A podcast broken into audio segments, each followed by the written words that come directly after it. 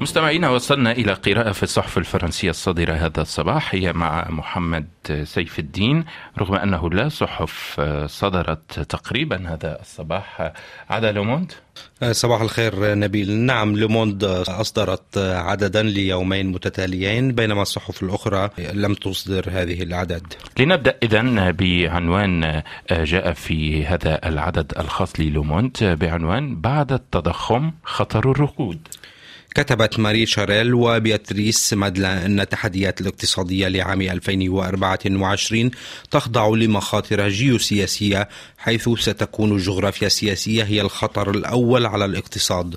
تضيف الكاتبتان أن تداعيات الحرب في أوكرانيا واحتمالات استمرار الصراع بين إسرائيل وحماس والاضطرابات في البحر الأحمر سوف تؤثر على المعادلات الاقتصادية. إنها حقيقة لا يشك بها الاقتصاديون حيث يشيرون في مؤسسة Allianz Trade إلى أن 60% من الناتج المحلي العالمي سيتأثر بسلسلة من المحطات الانتخابية العالمية هذا العام. العام فإلى جانب الانتخابات الأوروبية في حزيران يونيو ستجرى انتخابات تشريعية في الهند والمملكة المتحدة وانتخابات رئاسية في تايوان وأخرى في الولايات المتحدة. كبير الخبراء في Allianz لودوفيك سوبران يقول أن الأسر والشركات قد يجمدون أعمالهم في موقف المترقب بسبب الشكوك السياسية المرتبطة بهذه المحطات. أما بالنسبة لفرنسا فينبغي أن يشعر الفرنسيون ببعض الهواء النقي في هذا العام مع أسعار أكثر حكمة خاصة وأن الأجور قد ترتفع بشكل أسرع قليلا من التضخم في عام 2024 حيث تتوقع شركة الأش أش المتخصصة في القضايا الاجتماعية زيادة بنسبة 3.5% في الأجور فيما تشير تقديرات المعهد الوطني للإحصاء والدراسات الاقتصادية إلى أنه بحلول منتصف العام ستشهد القوة الشرائية للأسر تحسنا بنسبة 1.2 من عشرة بالمئة مقارنة بصفر وثمانية من عشرة بالمئة خلال العام الماضي.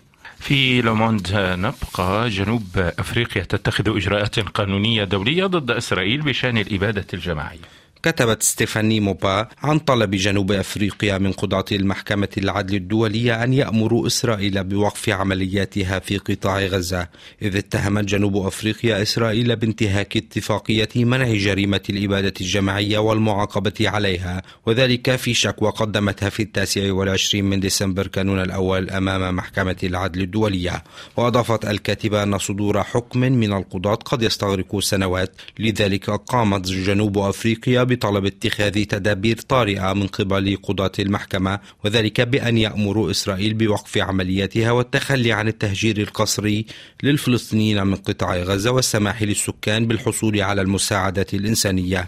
في هذه الوثيقة المكونة من 84 صفحة تدين بريتوريا قتل المدنيين الفلسطينيين في غزة والاعتداءات الخطرة على سلامتهم الجسدية أو العقلية وإخضاعهم المتعمد لظروف معيشية تهدف إلى تدميرهم الجسدي كليا أو جزئيا.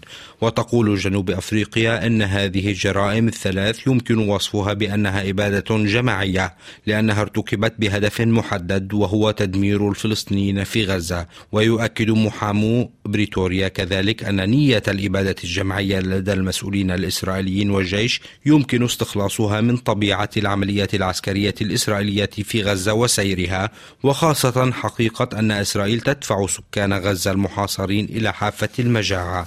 تضيف الكاتبة أن الشكوى تضمنت اتهاما للرئيس الإسرائيلي ورئيس الوزراء ووزير الدفاع بوجود نية الإبادة الجماعية لديهم حيث وصف يوآف جالانت طبعا هو وزير الدفاع الإسرائيلي فلسطيني حماس بأنهم حيوانات بشرية.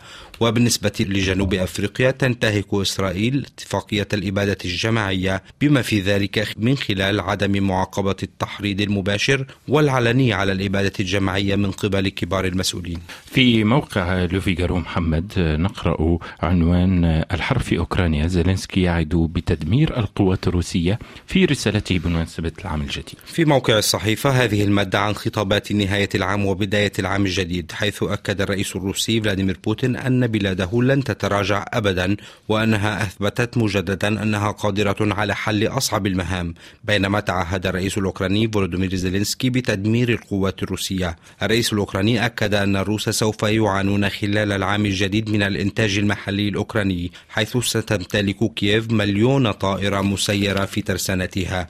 الخطابان الرئاسيان اللذان جاءا بمناسبة العام الجديد أعقب هجومين متقابلين.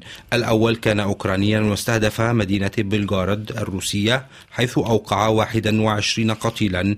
والثاني جاء من الجانب الروسي واستهدف مدنا أوكرانية عديدة. قالت موسكو أنه استهدف منشآت عسكرية ومراكز قيادة.